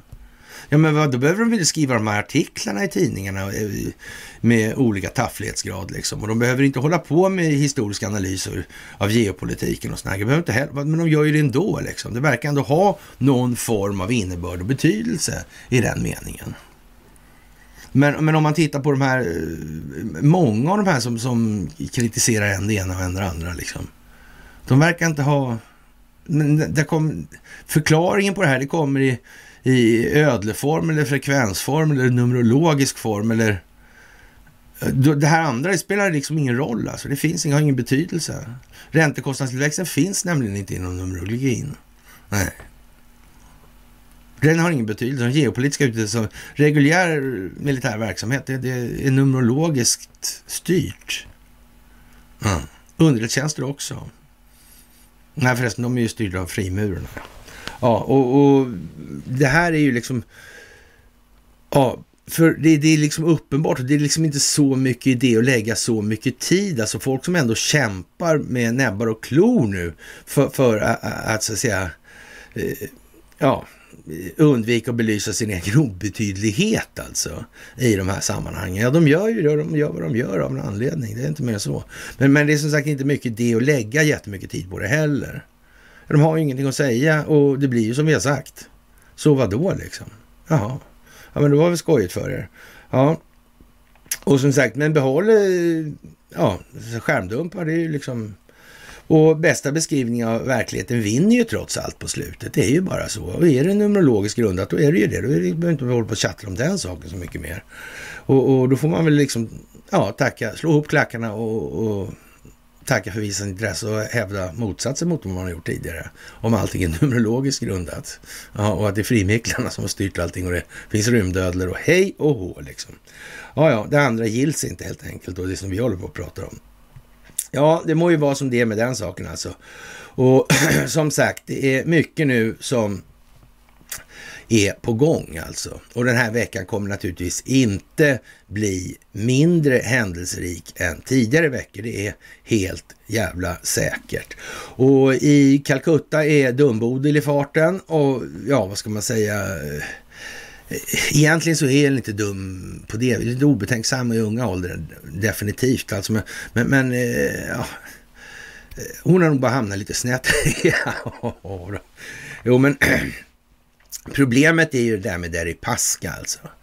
Deripaska har ju liksom ägnat sig åt, han har hållit på med en enda kategorisk verksamhet i Calcutta. Han har mutat alla som är villiga att ta en muta och de är därmed kartlagda. Det är allt från Giffarna till Mittsuniversitetet till gud vet fan vad alltså. Jaha. Och vem är det som vill veta det då, man tror? ja, avstängd blev han ju i alla fall då, eller sanktionerad eller sådär. Det, ja. Ja, det var ju inte så bra det där, nej, kanske. Nej. Ja, ja. Men Bodil är kanske snäll. Och Magdalena är också snäll säkert. Men, och som sagt, jag tror Magdalena är trogen i, i, i någon mening alltså. Och frågan är vad hon är trogen mot alltså. Det är ju så. Och, och jag vet inte egentligen vilka jag tycker sympatiserar med att hon är det är klart, är man statsminister borde det vara befolkning, men alltså är man gift så borde det vara sin man kanske och, och, sin familj i den meningen. Och har man så att säga lite kort då, då sådär perspektiv, då är det väl lätt att det blir fel. Man behöver inte vara så jävla ondsint för det liksom. Det, så kan man ju se det också. Mm. Men den här teatern med att du meddelande till Putin och sådär, det kan ju... Nej, men det kunde nog liksom vara... Så det, var, det var så där helt enkelt, tycker jag. Det var liksom ingen höjdare faktiskt. Ja, och som sagt det här med helheten på elmarknaden. Och det finns alltså ingen möjlighet att elmarknadens avreglering 96 hade delsyfte att då skapa en elbörs som hette Nordpol som skulle fyllas med fantastisk och finansiell finurlig ja, ingenjörskonst för att absorbera fiktiva värden för att kunna blåsa upp dem till den skuldmättande valutafinansiella systemets ja, fortsatta levnadstid en bit sådär. Och, och, och, kan det här, den här mellanmarknaden, kan det ha en påverkan på priset? Nu, när Wolfgang Hansson börjar närma sig i, i, i det, han närmar sig, han är inte där än riktigt, men när han börjar närma sig där, då, då är det ju som det är helt enkelt. Och det får man ju vara glad för. Som sagt, det här folkbildningsprojektet har varit planerat sedan urminnes tider alltså. Och nästan sedan vikingatiden skulle man kunna säga ibland alltså. Ja, men nu är det inte riktigt så. Och mystiska mord inom Ryssland förbryllar eliten alltså. Det är ju lite konstigt alltså. Och, och skulle det kunna vara så, alltså man rensar den djupa staten här nu i det här. Om man har haft användning av de här oligarkerna på det viset. I, i, och jag tror, inte, jag tror inte ens att Deripaska är särskilt dålig i den meningen. Den här teatern med pennan är lite för vulgär helt enkelt. Och ja, och ja, vad man ska säga, kan det vara den här eh, firman Ericsson och deras telekomutrustning och man använder den för geofencing numera. Så, så här, och, och man använder då västbaserade oligarker för att göra vad oligarker plägar göra. Alltså nämligen att de oligarkar runt där, liksom, eller oligark, oligarkar sig så mycket de bara kan på varandras bekostnad och mördar varandra och sen tar man då och, och geofensar dem där under tiden då. Så där. Sen så låser man in resten också och, och konfiskerar och förstatligar alla tillgångarna. Skulle det kunna vara så? Ja, det verkar ju vara så när det gäller den här uh, pengahistorien på Arlanda. Där verkar det vara lite geofensat onekligen. Och det är ju samma telekombolag det handlar om. Men eh, alltså, jag vet inte. Skulle det här kunna finnas på fler ställen kanske? Eller? Ja, jag, jag är inte säker alltså, men, men man, man, säger så här att det här med farans riktning ändå alltså. Och, mm, sedan Ukraina-krigets utbrott har flertal högt uppsatta personer i Ryssland avlidit under oklara omständigheter. Dödsfallen kan vara ett tecken på ökad konkurrens inom landets elit, anser Hugo von Essen på Utrikespolitiska institutet. Det här tyder på att Putins system har destabiliserats. Ja, det kan man ju tolka det som kanske, om man vill då. Mm. Eller också kan man något annat, beror på vilken målsättning man bedömer det här ha. Men, men, men eh, von Essen, han tror nog att Putin strävar efter världsherravälde, har han en känsla av. Eh, det låter lite så i alla fall. Ja, Tidigare i veckan hittade Ravil Maganov, styrelseordförande för oljejätten Lukoil, död. Han hade då fallit från ett fönster på sjätte våningen på ett sjukhus i Moskva där han vårdades. Maganov är öde är det senaste i raden dödsfall som under 2022 drabbat förmögna mäktiga ryssar. Tidigare under åren har minst tre chefer vid energibolaget Gazprom och dess dotterbolag antingen mördats eller hittats döda. Flera exempel finns både, finns både på hög nivå inom statsförvaltningen och inom andra delar av det ryska näringslivet. De avlidna personerna personer har ibland annat hittats ihjälskjutna med självmordsbrev alltså. Och Eh, von Esser, han är analytiker vid Centrum för Östeuropastudier vid Utrikespolitiska institutet. Han har två hypoteser i det här sammanhanget. Och det, det är såklart spektakulärt, men det tyder framför allt på att det finns eh, interna maktspel i det politiska och ekonomiska system Putin byggt upp. Det är tydligt vem som styr, det är Putin. Men under honom finns det mycket utrymme för att manövrera sig till mer makt. Och det kan ju möjligtvis vara så att man från Vladimir Putin och ledningens sida tycker att det här är en bra grej helt enkelt. Och, eh, det här dödsfallet skulle kunna vara en del i det där maktspelet där personer inom olika grupper tar chansen till att få ökat inflytande, säger Hugo von Essen. Eh, von Essen beskriver situationen som en huggsexa där oligarker och inflytelserika personer slåss om mer makt. Han pekar samtidigt på att dödsfallen ändå kan vara ett sätt för eh, Putin att befästa sin makt. Då. Ett alternativ, en alternativ teori är att dödsfallen inte enbart är resultat av inbördes konflikt utan snarare dirigeras av Putin för att styra om maktbasen under sig. Det kan röra sig om personer som gjort sig onödiga eller inte agerat på det sätt som högsta ledningen vill att de ska. Ja, det är väl ungefär så kan man säga. Och, och sen är, kommer vi till detaljen, då, vad är själva syftet med det här då? Det är ju det. Men, men eh, är det Agenda 2030 så, då så. Ja, men, men då borde vi hålla med då i så fall. Ja. Sverige alltså. Och då borde vi inte vara mot Putin. Eller? Ja, jag vet inte. Det är ju så konstigt alltså. Ja, kan man verkligen vara säker på alla, ja, att alla dödsfall är mord alltså. Helt säker kan man naturligtvis inte vara, men i vissa fall kan det såklart röra sig om att helt andra dödsorsaker. Men det är suspekt att så många personer drabbats i år och flera dödsfall ser ut som mord. Enligt Hugo von Essen har västländernas sanktioner fått förmögna exilryssar återvända till landet. I kombination med den hårt ansatta ekonomin har konkurrensen ökat inom landets politiska och ekonomiska elit. Alltså, ja, Putins typ av styrning handlar mycket om att deltaga, delegera makt neråt Ja, okej. Okay. Ja. Han är fokuserad på större frågor och på det utrikespolitiska. Det ger följden att aktörer på lägre nivåer slåss för att komma närmare Putin, säger Hugo von Essen. Oavsett orsaken bakom dödsfallen så tyder det på att systemet är instabilt, att det vacklar och att det är riskabelt för de spelare. Det bådar inte gott för systemet i sig och speciellt inte för Putin som byggt upp det. Hans makt vilar på att systemet upprätthålls. Ja, som sagt. Det där kan man ju lägga in en del tolkningar i. Och när man från DNs sida eh, säga, tar upp Bill Browder och, och, och känns det ju inte nödvändigt att hålla på och läsa om Bill Browder mer. Nu får ni faktiskt komma ihåg Bill Browder, det var han som gjorde anmälan på Swedbank. Och vi, vi kan väl ta lite grann som vi skriver i Expressen och eh, vad vi skriver så här att det är liksom, det, men se där och det är inte alls koordinerat och menat att skapa eftertanke hos befolkningen i allmänhet genom reflexiv kontroll. Vi kan inte annat än flina lite elakt när vi tänker på innehållet i det erbjudande som Bill Browder måste ha fått och som gjorde att han själv anmälde Swedbank för penningtvätt och det är såklart han har fått det alltså.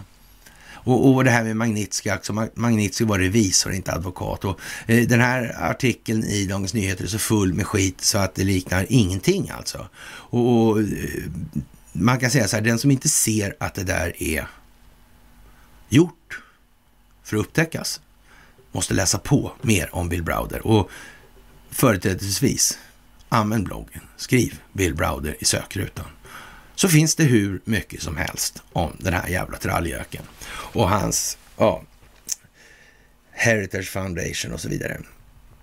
Ja, ja, ja, ja. Det är fantastiskt. Fantastiskt helt enkelt. Jaha, och Mikhail Gorbatjov får liten begravning och det är en förolämpning i det här och Putin hade inte tid att gå dit och ja, vi behöver liksom inte lägga så mycket aspekter för det där. Det är av det ena eller andra skälet kan vi väl säga sådär. Och ja, med det så kan man väl säga så här att vi börjar väl närma oss sluttampen på det här och vi kan väl ta upp att Mattias Våg och Sagan om ringen.